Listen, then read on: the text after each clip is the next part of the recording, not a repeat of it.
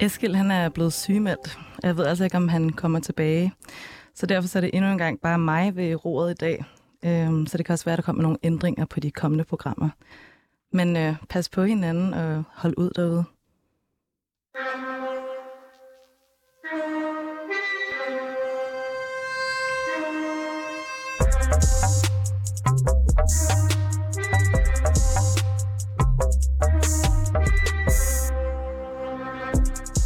Mit navn er Eskil Halberg, og jeg kalder mig selv for kommunist.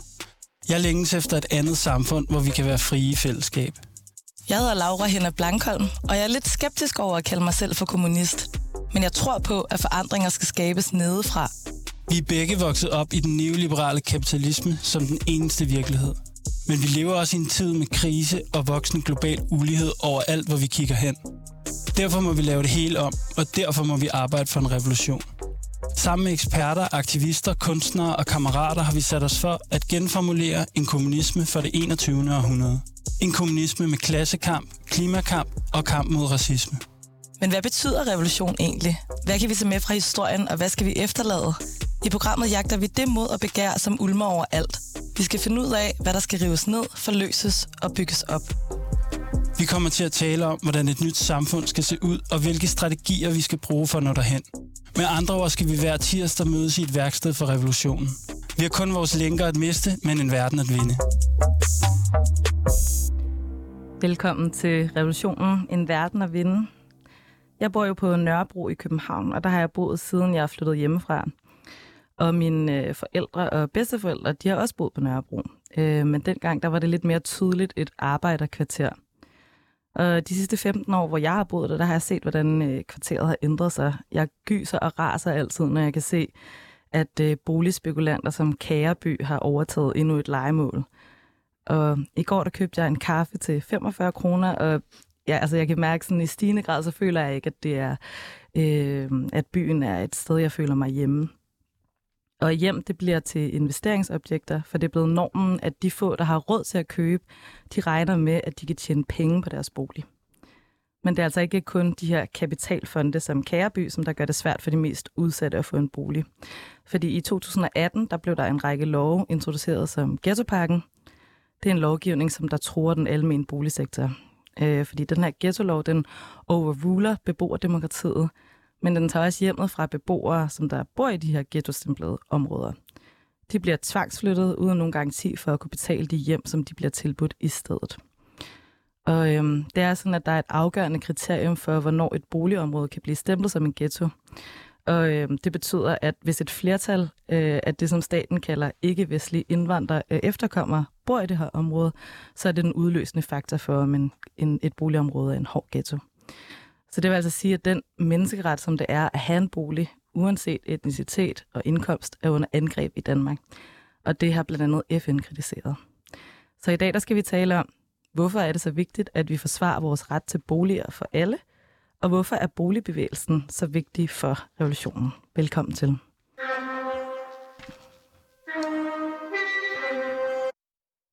Og øhm, velkommen til gæsterne i studiet i dag. Øhm, Aydin Sui, du er sociolog og forfatter, og øh, du har været øh, meget sådan, involveret i det her spørgsmål om udsatte boligområder de sidste 15 år. Velkommen til dig. Tak for det.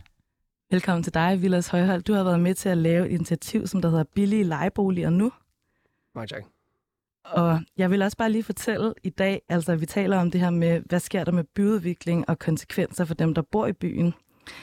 Og jeg vil gerne lige sådan fortælle, at til at begynde med, jeg har en særlig interesse i det her spørgsmål, fordi at øh, kampen for almen boliger, det er noget, som jeg beskæftiger mig med som pressekonsulent ved siden af mit job herinde i radioen. Øhm, og det er jo ikke fordi, at vi påstår at være objektive her på revolutionen, men det er alligevel meget god stil at nævne. Men Vilas, jeg tænker på, vil du starte med at fortælle sådan, I lavede det her initiativ Billige Lejeboliger Nu. Ja. Og det var noget, som du har fortalt, at du, det var en mærkesag, I skulle vælge, da du gik på højskole. Ja, jeg gik på Kroge på højskole, hvor vi har nogle linjer, Europabrænder og Verdenbrænder. Øh, og der skulle man i den sidste halvdel af opholdet vælge en, øh, en politisk sag og lave en politisk kampagne for det. Og der valgte vi så sammen 30 unge øh, den her kampagne, som vi kaldte øh, billige lejeboliger nu. Øhm, grunden til, tror jeg, at vi kunne blive enige om det, i forhold til så mange, der er jo mange vigtige politiske emner, man kan tage op, men jeg tror, at det vi kunne blive, grunden til, at vi kunne blive enige om det, var, at det er noget, som der berører os alle sammen, både os, der var født og opvokset i København, og dem, der kom. Ja, folk kommer fra alle steder i landet på en højskole. Så noget, alle kunne, kunne se sig selv i. Øh, det er noget, alle, både dem udefra, som der gerne vil flytte til København, enten på grund af job og studie, de kan se, det er stort set umuligt, hvis deres forældre ikke har penge. Øhm, og os, der bor i København, bliver skubbet ud igen, hvis vores forældre ikke har penge. Øh, så grundet en fælles indikation over nogle stigende huslejepriser. Så der var mange, der kunne genkende sig, eller der kunne spejle sig selv i den her kamp som noget, der var vigtigt. Ja. Men vi prøver jo at starte med problemet i det her program, og ligesom prøve at finde ud af, sådan, hvad, hvad er det for et problem, som vi taler om i dag. Og kan du prøve at fortælle lidt om sådan, den sådan indignation og den vrede, I havde, som der fik jer til at starte det her initiativ? Sådan, hvad er det for nogle problemer, I ser? Øhm, jeg tror, problemstillingen er, at hjem er blevet til investeringsobjekter, som du også fortalte her i din, øh, i din præsentation. Øhm, og det er vi grundlæggende imod. Øh, der er hjem skal bare være hjem. Øh, så problemet er, at det, der er folk, der sidder og tjener penge på, at andre egentlig bare har et sted at bo. Og så skaber det endnu mere ulighed, end der allerede er. At der sidder nogle øh, boligejere, og de sætter bare huslejeprisen så højt op, som de kan få nogen til at betale, og så alle, der ikke kan betale, de må finde et andet sted at bo. Ved mindre, at man måske har stået på venteliste i en eller anden bolig, eller er heldig med kontakter, eller har, har forældre med penge, eller et eller andet. Men øhm, det skaber både en ulighed sådan klassemæssigt, i forhold til, at det stort set kun er den øvre middelklasse opad, som der kan øh, sådan, med midler købe sig ind, men det skaber også en ulighed sådan generationsmæssigt, da det mest er unge mennesker, der bor til leje. Vi har ikke råd til at købe andele og, og ejerlejligheder. Mm. Øhm, og så er det jo oftest ældre mennesker, som der sidder i uh, enten kæreby eller pensionsselskaber eller andre, som der opkøber de her store legekomplekser, og så leger dem ud. Ja. Øh, så det er fordi, det skaber utrolig meget ulighed. Og så skaber det en by, som der ikke er lige så rar at være i, fordi det bliver en by, hvor der ikke er plads til alle. Øh, og dem, som der skaber byen, de bliver skubbet ud, og det er ærgerligt. Ja, og du, du har jo fortalt, at du bor på, øh, altså du bor i København, og du er ligesom født og opvokset der. Ja. Hvad er det for nogle ting, man kan se, der ændrer sig i byrummet? Man kan se kioskerne, grønthandlerne, de brune værtshus forsvinder. Og så okay. kommer der i stedet for dyr kaffe latte, dyr naturvin, de klassiske ting, vi altid snakker om, når vi snakker om gentrificering. Ja. Det kan man se. Ja. Tydeligt. Og øh, som en, der er vokset op i, øh, i København, og som der ligesom har set den forandring, hvad er det, det, det vækker i dig? Du sagde, at... Mm, det vækker en indikation, fordi at mange af de mennesker, der kommer til København, og det skal man selvfølgelig have lov til at flytte til København, men mange flytter til på grund af, at de synes, der er en sej kultur på Vesterbro og Nørrebro, og det er spændende osv. Men problemet er, at man også skal tænke over, om man er med til at skubbe den kultur væk, når man flytter ind. Hvis man ikke lige har for øje, hvem er det en, der skaber den her kultur, hvad er det, der har gjort det her øhm, område sejt. Ja. Øh, og jeg tror, det er bare vigtigt at, at tænke over. Mm. Og det der med, at der er nogen, der har en, et, hvad kan man sige, et valg, eller øh, har et, øh, et valg om at flytte et sted hen, og så er nogle andre, som der ikke nødvendigvis kan blive brune, og ikke har et valg om at bare flytte et andet sted hen. Øhm, men altså, når det kommer til spørgsmålet om det her med ghetto-lovgivning, som jeg også nævnte i introduktionen, så er det en lovgivning, som der også er med til at gå ind og regulere rigtig meget øh, byudvikling og hvordan sådan den øh, boligpolitiske situation er. Øhm, og den her lovpakke er også en del af en større global tendens, øh, som jeg ser det. Altså i, Europa, der er indskrænkelsen af retten til hjem og rettigheder jo tæt forbundet med islamofobi og racisme og den her problematisering af muslimer. Og det ser vi også i Danmark, fordi at der er det jo som sagt den her kategori ikke-vestlige indvandrere efterkommere, som der er den udløsende faktor for, at et boligområde kan blive stemplet som en hård ghetto, som der betyder, at folk skal flytte og boliger rives ned. Øhm, og Aydin Sui, vi skal tale med en beboer fra et boligområde, som der kan fortælle lidt om, hvilke konsekvenser det har haft lokalt i hans område, øh, også for ham og hans familie. Men vil du ikke bare lige starte med at fortælle sådan overordnet set, sådan, hvad er det, der sker i Danmark med den her ghetto-lov? Altså, overordnet set, så, øh, så er det en, en meget særlig konstruktion, at man overhovedet har en ghetto-liste i Danmark, som så sidste år skiftede navn officielt til listen over områder. Men, men i daglig tale er det stadig udtrykket øh, ghetto-listen, de fleste politikere bruger. Øhm, og vi er, vi er det eneste land i den vestlige verden, der har en officiel statslig ghetto-liste. Øhm, så bare det i sig selv er ret kontroversielt, og jeg bliver ofte ringet op af udenlandske journalister, hvor, hvor især de amerikanske journalister, de spørger hver gang, don't you talk about the Jewish question when you call areas ghettos? Og det, det er jo fordi, at, at ghetto-begrebet stammer fra middelalderen, hvor den katolske kirke afgrænsede jøder i bestemte boligområder, som så var de her ghettoer. Så forsvandt jødiske ghettoer, dukkede op under 2. verdenskrig, hvor det igen var jødiske ghettoer, primært i Polen, som fungerede som sidste stop før koncentrationslejre, og i efterkrigstiden har det været forbundet med racesegregation i USA og apartheid i Sydafrika. Så det, det er et stærkt øh, racistisk begreb, og i Danmark der øh, bliver det også primært brugt til at tage, i tale sætte etniske minoriteter som et problem.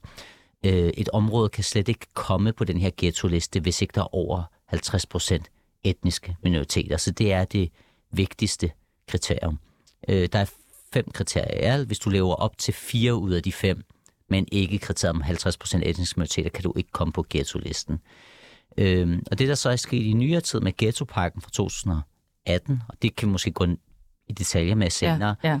det er, at det også er blevet ekstremt indgribende at komme på den her liste, hvis du kommer på den flere år i træk skal du reducere den almene boligmasse med 60 procent. Ja. Og det kan man gøre ved at sælge til private entreprenører, der så sætter prisen op, eller ved at nedrive, sådan så at den almene boligmasse den øh, bliver reduceret, hvilket også priser presser boligpriserne op. Ikke? Så det betal, betyder dyre boligpriser, øh, og så forsøger man så at kompensere ved at bygge nyt alment, øh, men det giver ikke rigtig mening, at du river nyrenoverede boliger ned i områder, hvor der ofte er lange, lange ventelister, fordi der simpelthen bor for mange etniske minoriteter. Ja, og jeg er lidt i tvivl om faktisk, hvor mange, præcis hvor mange områder det er, fordi der har været sådan en, i forbindelse med, at de her øh, ghetto-lister kommer ud øh, en gang om året, 1. december, så, så skifter det lidt, øh, hvor mange boligområder er nu blevet defineret som en ghetto og en hård mm. ghetto, og nogle mm. områder, de oplever at kunne komme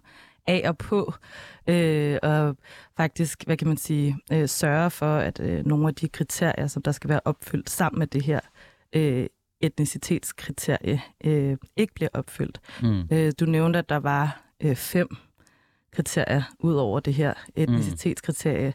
Mm. Øh, hvad er det nu, det er for nogle kriterier? Det er sådan noget, der handler om uddannelsesmæssig status. Ja, ja. Og... Udover etnicitet, så er der uddannelsesniveau, øh, så er det indkomstniveau, øh, antal beskæftigede øh, og andelen af beboermassen, der har, der har, der har begået noget kriminelt. Øh, og, og nogle af de her kriterier er også lidt arbitrære, altså for eksempel indkomstkriteriet. Øh, der bliver beboernes indkomstniveau, om det lever op til kriteriet om lav indkomst. Det bliver målt på, hvor i landet det ligger, hvilken region du ligger i. Så øh, hvis hvis det er et boligområde, der ligger i Region København, skal der mindre til, for at du bliver stemplet som et kriterium med lav indkomst. Ja. Øhm, i forhold til, hvis du ligger i Nordjylland eller Sønderjylland. Så for eksempel et boligområde som, som Tingbjerg, som er et af de største almene boligområder i landet, lever op til kriteriet om øh, lav indkomst blandt beboerne, på trods af, at det er et af de almene boligområder i landet, større almene boligområder, hvor der er flest i beskæftigelse. Det er bare fordi, de er beskæftiget i lavtlønsjobs, og hvis det lå i et hvert andet sted i landet, ville det jo leve op til kriteriet om, om lav indkomst. Og der kan man så stille sig selv spørgsmålet, hvorfor skal man egentlig stemple beboerne for at være i job, men jobs, hvor du ikke tjener ja. særlig meget. Ja. Ikke? Så man kan sige, sådan, man, man kan i hvert fald man, man kan i hvert fald tydeligt se, når vi snakker om, om de her kriterier, både hvordan at øh, de her statistikker bliver opgjort, altså hvordan det bliver vurderet, om du så bliver en hård ghetto, hvor det faktisk har rigtig store konsekvenser, altså hvor folk skal tvangsflyttes og boliger skal nedrives. De her kriterier, de er meget sådan øh, arbitrære, som du siger, men det er altså også et meget sådan klart angreb på en eller anden måde mod de lavere stillede i vores samfund. Så der er mm. etnicitetskriteriet, men der er jo også, hvad kan man sige, en en stor klasse, øh, klassemæssig øh, aspekt af, af det her. Øh, jeg kommer også bare lige til at tænke på, at der var sådan et boligområde i Aarhus, øh, tror jeg det var Aarhus Jylland Gade i går, hvor at der var en beboer i deres område, som der havde en, en dom, altså noget på sin straffetest. Mm. Og den ene beboer ville ligesom udløsende mm. for øh, de omdannelser, der skulle laves i, i hele området. Jamen især kriminalitetskriteriet, der skal der ofte meget, meget lidt til. Så hvis du har, nu, jeg tror, den ligger på omkring, øh, hvis 2,7 procent af beboermassen har en, en, plet, en alvorlig plet på straffeattesten. Ikke? Så for eksempel har der været et boligområde på Fyn, hvor man forsøgte at komme af listen, øh, da den skulle opdateres, og det gør den hvert år, når vi nærmer os 1. december, ved simpelthen at tilbyde dem, der har pletter på straffeattesten i boligområdet, at flytte væk. Ja. Hvis de frivilligt ja. fraflyttede, fordi det kunne gøre, at du ja. røg af listen, ja. hvilket ville kunne gøre, at man ikke blev stemplet som en hård liste, fordi at konsekvenserne er så massive, hvis du, hvis du bliver stemplet som et hårdt ghettoområde flere år i træk, så fanger bordet. Altså, ja. så skal du reducere den almindelige boligmasse med 60 procent. Ja. Ja. Der har beboerne så vurderet, og det er beboerdemokratiet, der har sagt, at vi tager fælleskassen og tilbyder de her mennesker et beløb for at fraflytte, fordi at så er der hundredvis, der slipper for at blive tvangsflyttet. Ikke? Så øh, Altinget har lavet en fremskrivning, hvor de simpelthen har ringet rundt til alle de her boligorganisationer, der har områder på listen, øh, som lyder på, at 11.000 mennesker vil blive tvangsflyttet fra deres boliger frem mod 2030 på grund af den her, den her ghetto-liste. Ikke? Jo. Så øh, nu er det her jo et program, som, som ønsker, ønsker revolution. Ja. Øh, hvis man kigger på på de negative historiske aspekter ved, ved kommunismen i Sovjetunionen, så er det her måske noget af det tætteste, vi kommer på totalitær stat, øh, formynderisk stat, som ud fra et ideologisk standpunkt øh, behandler mennesker, som om de blot er instrumenter og brikker, brikker i et spil. Ikke? Jo, at man kan sige, at, at man kan ligesom lave et indgreb fra statens side, hvor man bare beslutter, nu skal I flytte, øh, for at øh, ligesom møde kriterierne i forhold til den her lovgivning. Og det, som øh, der ligesom er risikoen eller truslen, det er, at øh, de boliger, øh, hvis man ikke hvis man ikke lever op til det her med at omdanne, så kan det blive eksproprieret og så frasolgt og blive til øh, altså nogle helt andre boliger, som der slet ikke er på boligforeningens hænder. Mm. Og det skal også lige siges, at øh, hvis et område først er blevet stemplet som et område, hvor du skal reducere den almene boligmasse med 60 procent, det som hedder et omdannelsesområde. det er sådan meget byråkratisk sprog, det hele. Ja. Øhm, så er det ikke sådan, så at området slipper for at reducere den almindelige boligmasse med 60 procent, hvis man så ryger af listen. Øh, vi ser en masse områder, som er blevet stemplet som hårde ghettoer, som slet ikke er på ghetto-listen længere, fordi at beskæftigelsen er steget, kriminaliteten er faldet osv., osv., uddannelsesniveauet er, er steget. Men så fanger bordet. Du skal alligevel omdanne område. Mm. Øhm, og det er jo lidt mærkværdigt, hvis grunden til, at du gerne vil reducere den almindelige boligmasse, er, at du vil ændre på sammensætningen i forhold til ja, uddannelse, ja. indkomst og beskæftigelse. Ja, altså fordi man kan sige, hvis nu de personer alligevel er flyttet, hvorfor skal, hvorfor skal boligerne så Lige præcis. omdannes? Jeg kunne godt tænke mig at vende øh, kort tilbage til det her, du startede med at sige, at der er mange sådan øh, udenlandske journalister, som du taler med mm. om de her spørgsmål, og de øh, trækker tråde til historien i forhold til det her med ordet ghettos oprindelse. Øhm, og jeg kan man sige, man kan man sige, de her mere sådan værdimæssige, ideologiske aspekter af det, som der netop handler om racisme. Øhm, vi skal snakke meget mere om det her med, hvad, hvad det er for et stigma, som der bliver øh, skabt øh, af beboerne i, i de her områder. Men kan du ikke sige lidt mere om det her med sådan, det store perspektiv? Altså, hvad er det for nogle problemer, som du tænker, det her det skaber? Altså nu har vi, nu har vi været inde på det med, altså i, i programmet i dag, der taler vi jo om bolig. Mm, øh, mm. Det her med sådan adgang til bolig, det, det, det ændrer sig ligesom. Øh, den almindelige boligsektor, det ændrer sig. Øh, mm. Men hvad, hvad siger du til de her journalister fra, fra udlandet, der interesserer sig for det?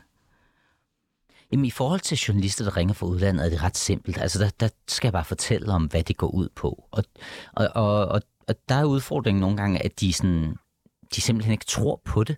Altså, det lyder som sci-fi i deres ja, øjne. ja, det lyder ja. som, Det som et eller andet George Orwell-agtigt, Ja, ikke? Altså, et eller andet Big Brother-samfund, ikke?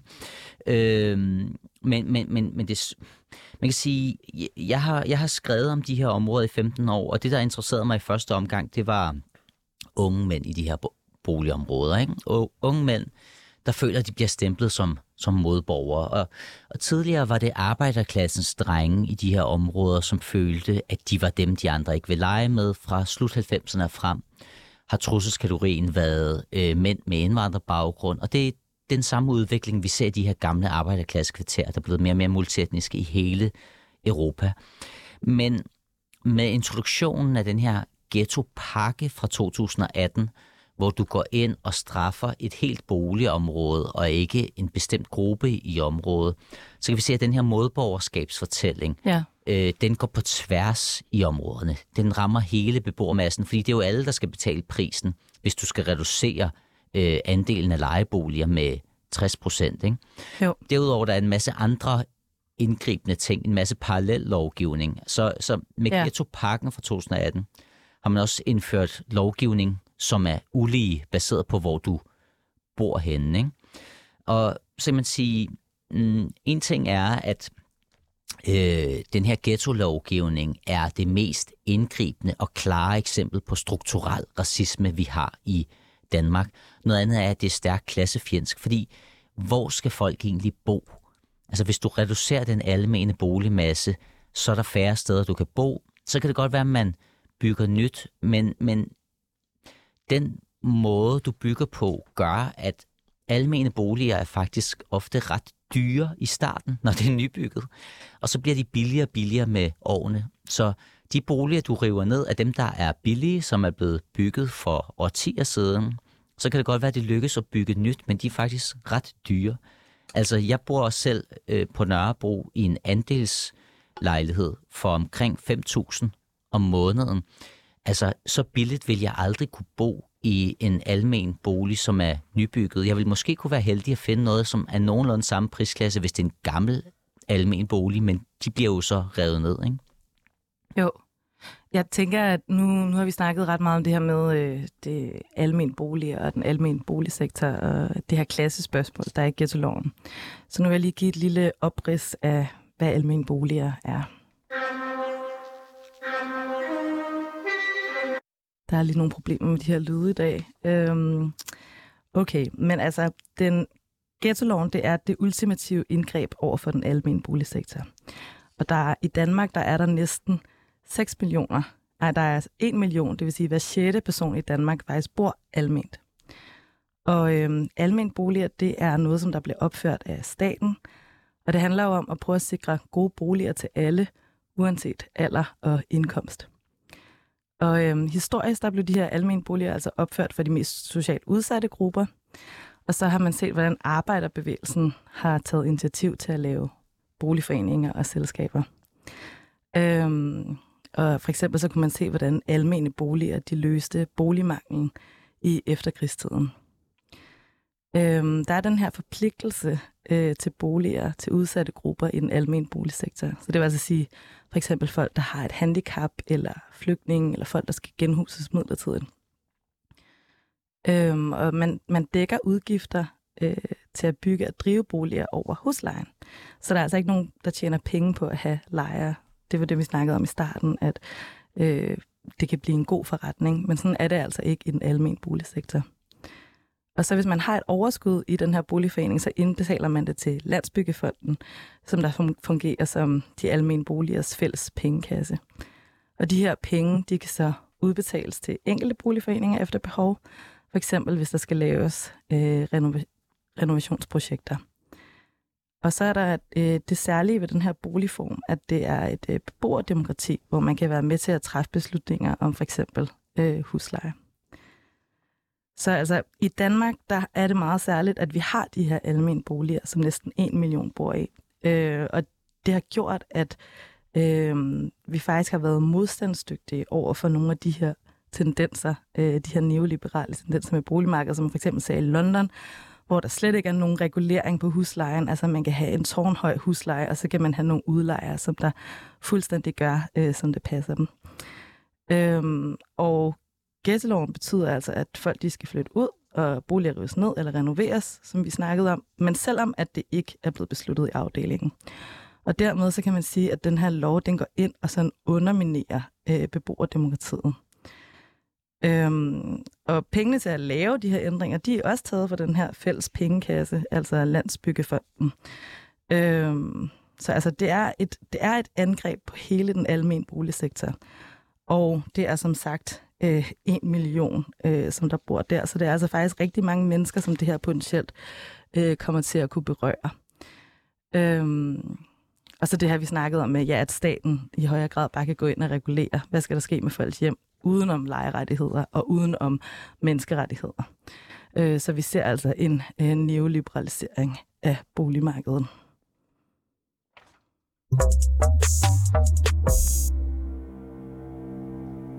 Nu skal vi ringe til en beboer, som der bor i Bispehaven i Aarhus, som der altså er et ghettostemplet boligområde. Og øh, Alex Young Pedersen, du bor i Bispehaven, som der er stemplet som en hård ghetto. Og derfor er du og nogle af dine naboer blevet nødt til at flytte fra huset, som der skal rives ned. Hej Alex. Hej, ja. Hej. Øh, jamen, du bor som sagt i Bispehaven, øh, og I har været i, øh, på den her øh, ghetto-liste og er blevet stemplet som en hård ghetto. Kan du ikke fortælle lidt om, hvad er det konkret, der er sket i dit øh, boligområde?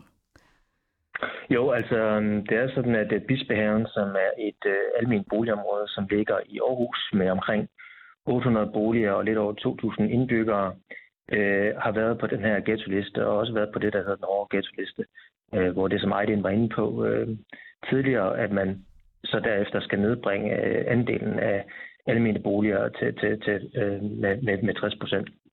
Øhm, og det er sådan, at i år i, øh, i vores område har man faktisk øh, allerede inden øh, i 2018, da det blev endelig vedtaget, øh, var der indgået en forhåndsaftale i Aarhus Kommune. Så vi var faktisk rykket ret frem, øh, og der var allerede blevet udpeget øh, tre af de øh, seks boligblokke, som skal nedrives. Øh, så vi var faktisk øh, nogle af de første, tror jeg, til det. Så der derefter gået lidt corona i det, og en lang række andre ting, hvor vi har forsøgt at kaste lidt øh, øh grus i maskineriet for at forsøge at udsætte øh, beslutningen. Øh, men det er altså der, hvor vi er nu, ja. at, øh, at vi faktisk står til at skal rive boliger øh, ned, men øh, den endelige øh, beslutning øh, mangler godkendelse for, fra Boligministeriet. Kan, kan du ikke prøve at fortælle, sådan, hvad det har haft af konsekvenser for dig personligt, altså i, i din hverdag?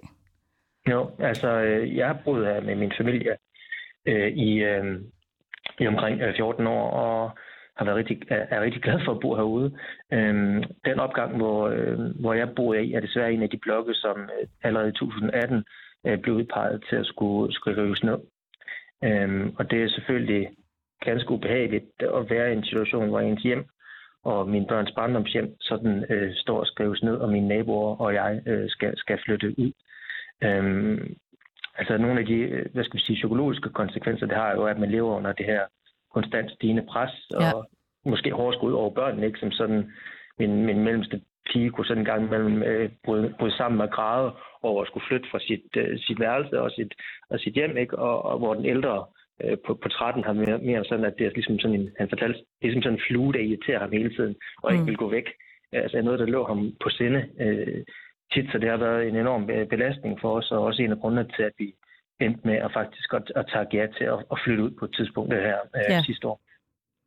Så man kan sige, at I har i hvert fald oplevet øh, det her med at være tvunget til at flytte. Og hvad, hvad er det, der ellers sker? Altså, det er boliger, der skal nedrives? Altså, det er bygninger, der skal nedrives? Så skal der opføres nogle... Ja, i Aarhus Kommune har man øh, som en af de få kommuner udelukkende benyttet sig af nedrivning, øh, både i Bispehaven og i Gellerup, som det redskab. Man kunne også have ommærket hjemmene til ældreboliger eller ungdomsboliger, eller man kunne også få reddet boligerne i mindst, der er lavet frasalg.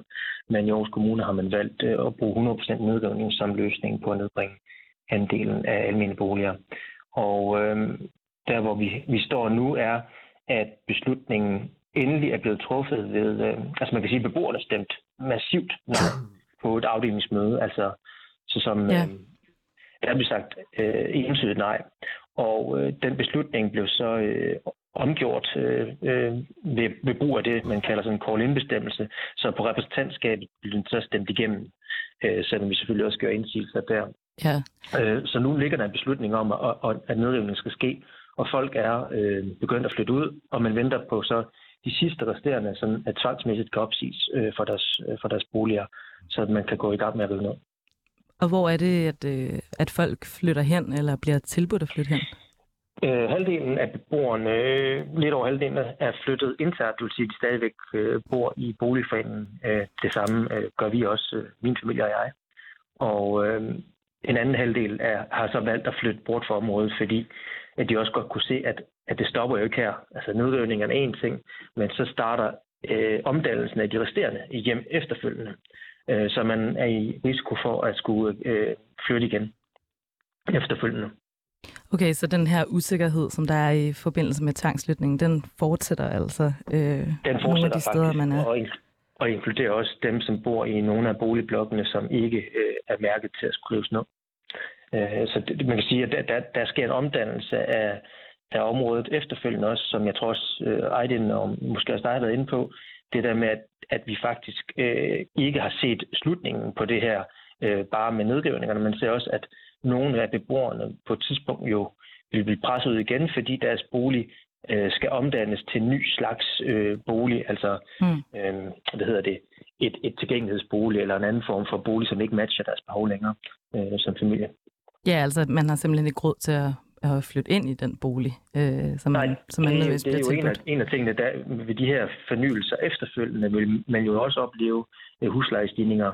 Men det er måske ikke det, der er værst. Det er jo ens hjem øh, så omdannes måske eller splittes op til, ja. til, øh, til to boliger. Ja. Så du har en, en velfungerende familiebolig, øh, som er til at betale, øh, men nu bliver du så bedt om at fraflytte, fordi din bolig øh, på, på 100 kvadratmeter måske ikke skal deles op i to. Ja. Øh, og så kan du godt være, at du får tilbudt den igen, men så er altså ikke tidsvaret, eller opfylder ikke dine behov. Mm-hmm. Og jeg tænker på, hvem er det, som der så skal flytte ind i de bygninger, som der bliver opført i det boligområde, som du bor i? Fordi at nu har vi været lidt inde på det her med, at der er nogle kriterier, der skal være opfyldt, altså nogle sociale forhold i forhold til indkomst og uddannelse og beskæftigelse og etnicitet og så videre. Ja, det vi måske skal sige der, øh, det er jo faktisk, at, at, at vores boligområde har oplevet en, en meget øh, positiv øh, hvad skal vi sige, fremgang på alle de parametre, som man før gør på ghettolisten. Så jeg tror, at hvis man opgjorde det i dag, ville vi ikke længere opfylde kriterierne. Øhm, og det vil altså sige, at der har været en, social udvikling, som egentlig har gået forud for øh, ghetto-lovgivningen, men har været en del af den her sociale øh, helhedsplan, hvor øh, altså det boligsociale arbejde faktisk har gjort en stor forskel. Øhm, og så har man jo også kunne selektere øh, på, på, hvem der måtte flytte ind i området øh, øh, efterfølgende. Altså det, vi frygter mest fremadrettet, det er jo, at, at de boliger, øh, som nu bliver revet ned, og vi bliver tvunget til at frasælge grundene, det er en ting. En anden ting er, at de resterende boliger, øh, de bliver omskabt øh, efter ønsker, øh, man har taget fra et kø- køberkartotek i en EDC-maler i et ligebærgerkvarter. Det vil altså sige, at de øh, boliger er formet efter nogle ligepav drømme, som ikke nødvendigvis okay. er de behov, som, som efterspørges af de familier, der bor herude. Altså, bare for at sige, det der er behov for i byer som Aarhus, det er jo betale familieboliger, som faktisk er beregnet til børnefamilier. Ja. Øhm, og det som, det som Ejdin kunne høre også var inde på, er jo, at hvis man får nogle, nogle ret dyre boliger, som nogle af dem også bliver, så er de folk, man vil tiltrække, jo har andre alternativer. Så det vi frygter, det er, at de resterende beboere herude skal betale for den tomgang, som risikerer at komme i de boliger, som ikke længere matcher det, øh, den efterspørgsel, der er. Øh, og, og så kan man sige, som boligforening skal man jo være køre rundt øh, økonomisk øh, selvstændigt, så man kan jo risikere at komme i en situation, hvor vi bliver nødt til øh, og tvunget til at frasælge simpelthen øh, nogle af de her boliger, fordi vi ikke længere har råd til at bekoste, at de står tomme. Ja, det er klart. Så altså, man kan sige, at de her, de her boliger, den måde, de er indrettet på, det er altså lavet med en gruppe for øje, som der måske slet ikke rigtig er interesseret i at flytte ind, eller det, det passer ikke med virkeligheden på en eller anden måde. Man kan sige, at, at, at vi har i hvert fald øh, en historik på, at de steder, hvor man har forsøgt at omdanne har man nogle udfordringer med at lege dem ud. Altså de er simpelthen blevet så dyre, at de folk, man egentlig ønsker at tiltrække, øh, har andre alternativer. Ja. Og derfor ikke flytter ind i dem. Uh, ja. det, til, det, det eksempel har man fra Gellerup, også i Aarhus Ja. ja. Og så vil jeg bare lige høre her til sidst, om du kan komme med sådan nogle øh, bud på, hvad du tror, der er vigtigt sådan, i forhold til det her spørgsmål fremadrettet. Nu skal vi jo tale strategier i forhold til boligbevægelsen i anden time, men, ja. men selv, selvom skaden er sket, hvis man kan sige det, i, i dit boligområde, hvad tror du så? Man altså, jeg vil sige, at skaden er jo ikke, altså skaden er jo ikke sket fuldstændig nu. Boligerne står stadigvæk. Øhm, og, og det glæder mig jo, at Østre Landsret her i, i går har besluttet, at, at, at sagen øh, i Formøllerparken, som også har konsekvenser for os, kan føres videre øh, ved EU-domstolen. Øh, men når det er sagt, så kan man sige, hvad ønsker jeg, og hvad, hvad, hvad, hvad kan vi sige, os som beboere har jo ligesom gjort benarbejdet. Vi har faktisk gjort mere eller mindre det, vi kunne, øh, og fået vores, øh, så at sige, vores nej til helhedsplanen. Det er beboernes øh, øh, udtryk for deres holdning. Ikke?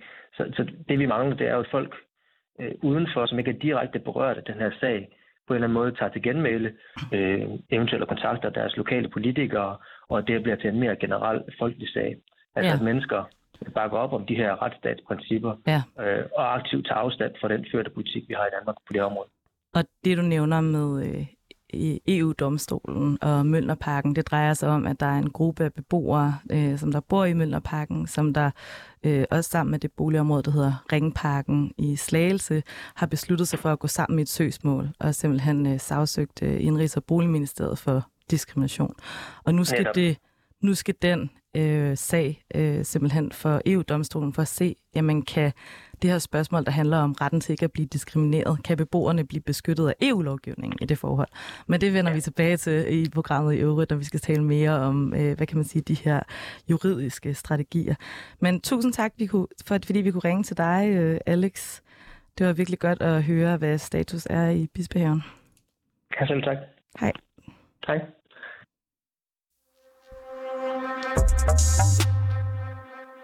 Ja, vi har jo i hvert fald slået fast, at øh, ghetto-loven har nogle massive konsekvenser for beboerne i de her områder, øh, som vi hørte fra Bispehaven. Og jeg har også hørt om øh, antropolog Marie Nordtrup, der har lavet feltarbejde i mange af de her ghetto områder. Og hun nævner også det her med, at der er mange af de beboere, som der bor i de her områder, som der måske har oplevet en tunge migration øh, tidligere i deres liv, eller har været på flugt. Øh, for eksempel var der nogle palæstinensiske beboere, der beskrev, hvordan at den her konstante usikkerhed omkring at være drevet er så noget, som der både har været i deres øh, oprindelsesland, altså deres hjemland, og så som der nu fortsætter. Øhm, og så tænker jeg på, Ejde, nu har vi jo været lidt inde på nogle af de juridiske spørgsmål i, i forhold til det her med gæsteloven. Det kommer vi til at vende tilbage til. Men kan du ikke også lige sådan fortælle lidt om den udvikling, som der har været i forhold til den her lovgivning, fordi at øhm, i 2010, så var der det første, det, mm. det første sådan ghetto, ghetto-lov, hvor Lars Lykke talte om, at vi skulle øh, rydde hullerne i Danmarks kort, altså de her parallelt samfund. Og så skete ja. der det i 2018, som vi har stået og talt om, mm. at der var den her ghettopakke. Altså, øh, der, der har været seks ghettopakker siden starten af 90'erne, men ingen af dem har været så indgribende som det, vi ser i dag. Og, og i nyere tid, der vil jeg sige, der, der er tre nedslagspunkter, som er ført til den situation, vi er i, hvor tusindvis af mennesker skal tvangsflyttes, hvor man har lavet en lovgivning, som gør, at kriminalitet begået i de her områder kan give dobbelt op på straf, hvor forældre kan få taget, frataget børnepenge, hvis de fravælger lokale institutioner, og hvor man også har lavet stopprøver i 0. klasse på skoler i de her områder, prøver, som børn ikke skal gennemgå på andre skoler. Så den her ulighed i lovgivningen er egentlig et, et, et, en, en konsekvens af, af en udvikling, vi har set siden 2010. I 2010 der introducerede Lars Løkke Rasmussen øh, ghetto-listen ved Folketingets åbning med ordene, det drejer sig om huller i Danmarkskortet, stenørkner uden forbindelse til det omgivende samfund.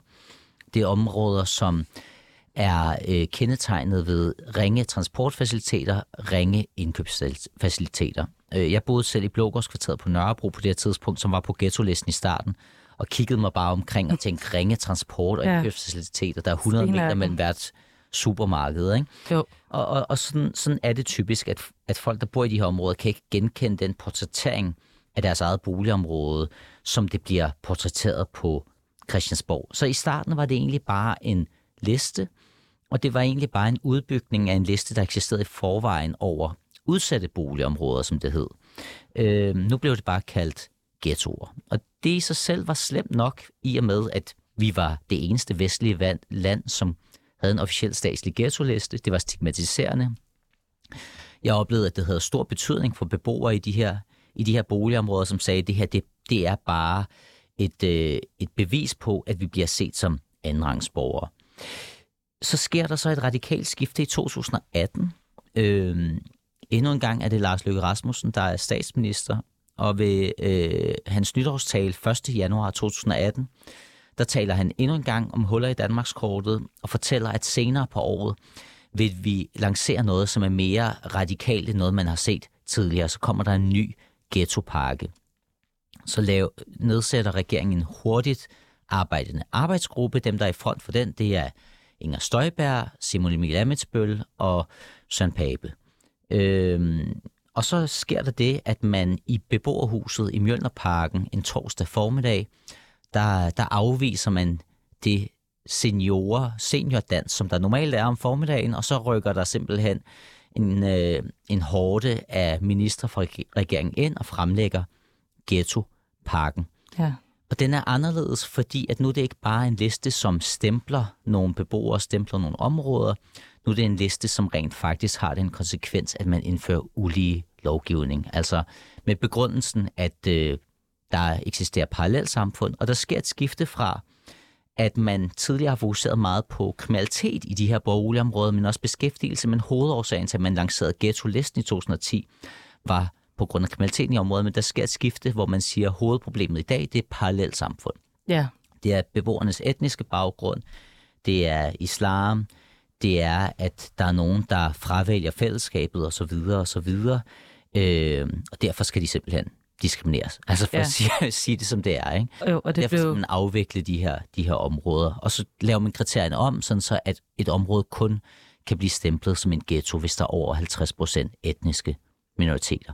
Yes, og det var der øh, i, i forbindelse med ghetto-pakken, øh, at der også var de her krav om ja, det her med vugge, vuggestue og øh, mulige sådan obligatoriske læringstilbud for børn om danske værdier. Og... Ja, der er også en fuldstændig mystisk øh, krav om, at at vuggestuebørn skal undervises i, i danske værdier. Øh, jeg kan ikke huske, hvor mange timer nej, nej, om ugen. Det var sådan noget 18 timer om ugen, og pædagogerne og, og BUPL, som, som organiserer landspædagoger, var ude og sige, det er fuldstændig langt ude. Det, der er det vigtigste for børns udvikling i den alder, det er, at de sover så meget. Vi kan slet ikke undervise dem i demokratiske værdier. Men, men det siger meget om den her ghetto-lovgivning, er rigtig meget af det her signalpolitik. Øhm, og, og det skal siges, både ghetto-listen og ghetto-parken blev lanceret op til et folketingsvalg.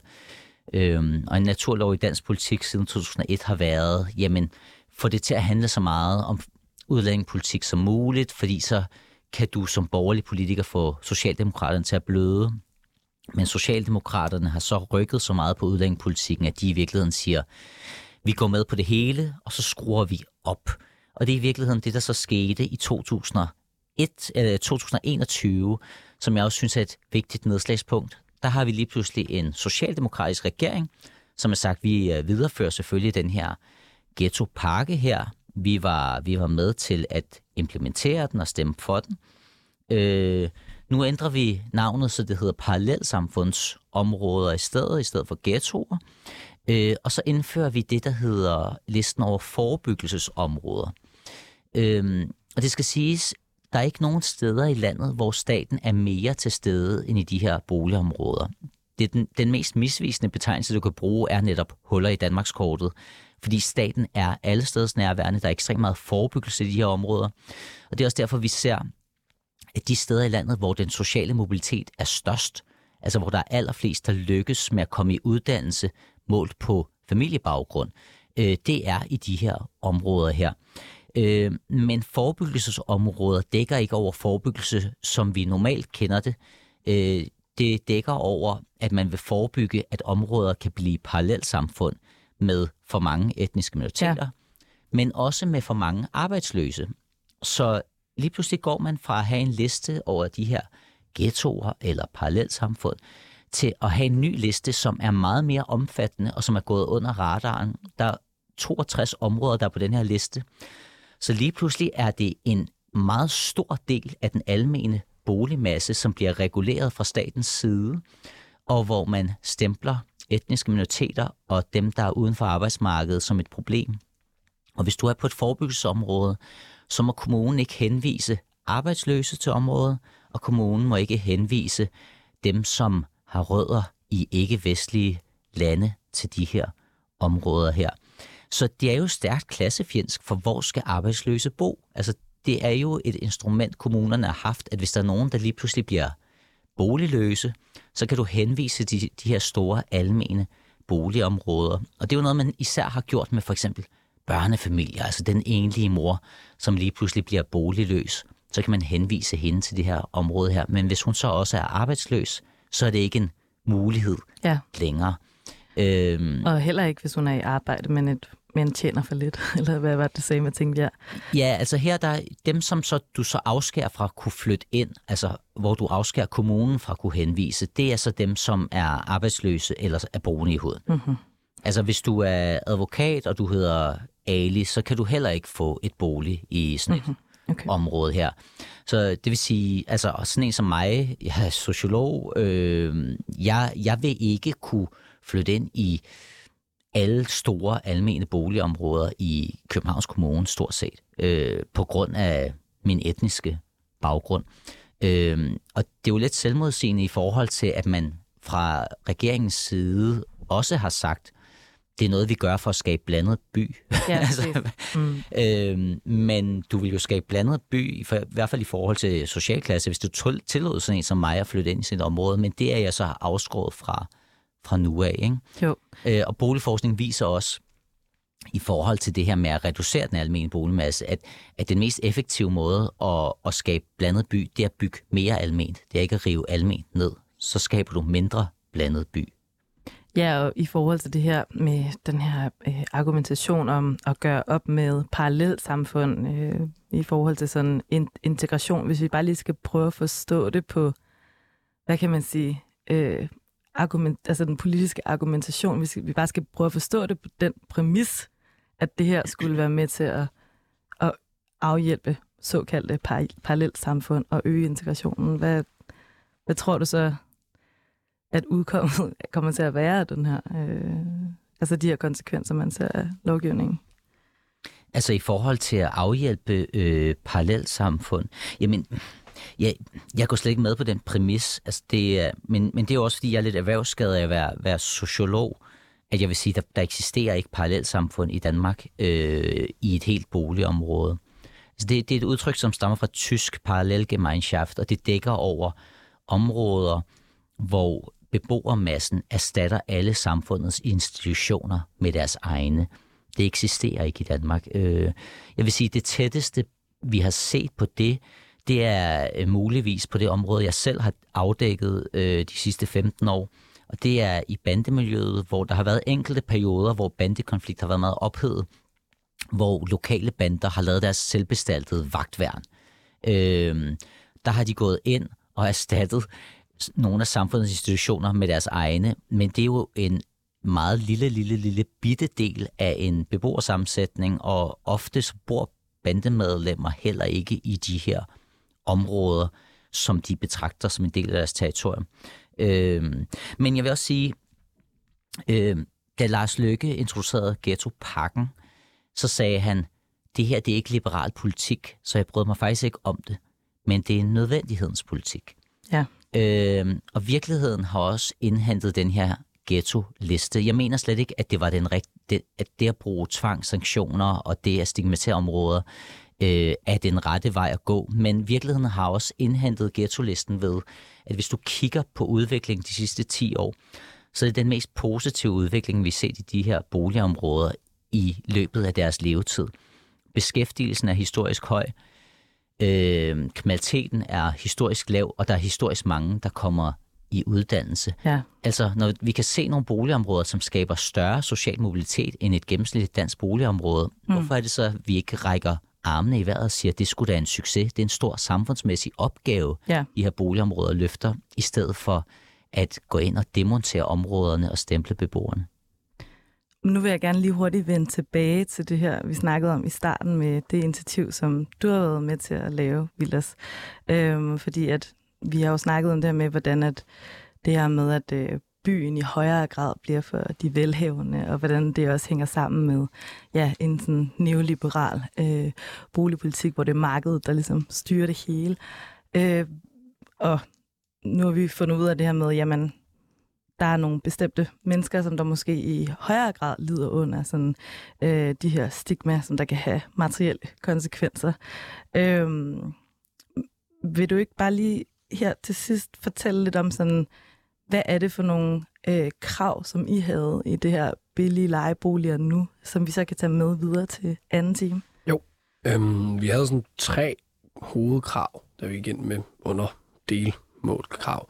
Øhm, det første var, at øh, 50% af alle nybyg skulle være øh, billige almene boliger.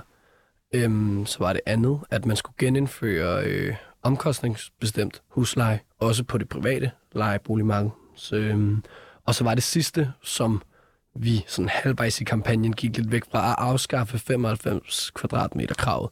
Øhm, altså, bare lige hurtigt, det der omkostningsbestemt husleje, ja. det går ud på, at øh, huslejen ligesom kan justeres, hvis der er nogle udgifter, øh, som ja. man godt kunne tænke sig at lave i boligforeningen. Eller Lige præcis. I, sådan, I den almindelige boligsektor i hvert fald. Ja. Og så var der det her krav, hvad var det, du kaldte det? Noget med kvadratmeter kravet? 95 kvadratmeter kravet øh, var noget, der blev lavet øh, for at give plads til store familier i København. Hvilket jo var et fint initiativ dengang, men nu er der også bare helt vildt mange enlige studerende og små familier og alle mulige andre boligformer, som der gerne vil bo i København og andre store byer. Og derfor så sagde vi, at der er ikke nogen grund til, at der skal være sådan et krav om, at jeg kan ikke huske, hvor en stor en procent det er af de nye boliger, der skal være kæmpe, kæmpe store, fordi det passer ikke med den befolkningsgruppe, som der lige nu gerne vil bo i byerne. Der er for mm. få små boliger. Øh, så det, det var det sidste krav, men som sagt blev det lidt, det var, det var mest de to første, og specielt det med omkostningsbestemt husleje var noget, vi gik meget kæmpet for. Og hvordan besluttede I så at fastsætte lige netop de her krav? Altså, hvad var det for nogle behov, I så? Mm, ja, ja, det var... Oh, det er svært. Øh, vi, vi havde en researchgruppe, der skulle sidde og kigge på, hvad er problemet. Det er det, som vi har alle tre sådan noget snakket om afdækket nu den sidste time. Øhm, og hvordan man så kunne løse det problem, tror vi, at øh, flere billige almene boliger, som vi snakkede om, de skulle også være grønne, var også noget, vi snakkede om. Øhm, og, øh, og som også, hvordan kan vi, hvordan kan vi gøre huslejen billigere? Det er jo egentlig det problemet, at den er for dyr. Hvordan gør vi den billigere? Det er ved at sørge for, at den ikke bliver sat af, at der er nogen, der skal sidde og tjene penge, men den bliver sat af, at lejligheden skal kunne løbe rundt. Ja. Så øh, man kan sige, at det her krav om en billigere husleje er det, som mange kunne identificere sig med, og de kunne relatere til sådan, som unge, også selvom at I var ret forskellige sådan, politisk i gruppen. Ja, ja lige præcis. Okay, men skal vi ikke lige prøve at opsummere en gang her, hvad det er, vi har været inde på øh, i første time, inden vi går til nyhederne? Altså, vi har fundet ud af, at der er en byudvikling i København, som der i stigende grad er for de rige, og så har vi de her ghettostemplede områder, som der hænger sammen med de her lovindgreb, hvor man simpelthen fra statens side af kan gå ind og beslutte, hvem skal bo der, øh, og hvilke boliger skal rives ned eller renoveres. Og det har altså store konsekvenser for beboerdemokratiet, som der ellers øh, er et princip i den her almene boligsektor. Øhm, og det har også en masse sociale implikationer, øh, også demokratisk, men for den her gruppe ikke-vestlige indvandrere efterkommere. Men øh, i næste time, der skal vi snakke mere om strategier for at kæmpe for de her almene boliger, og også øh, retten til bolig, øh, uanset indkomst og etnicitet.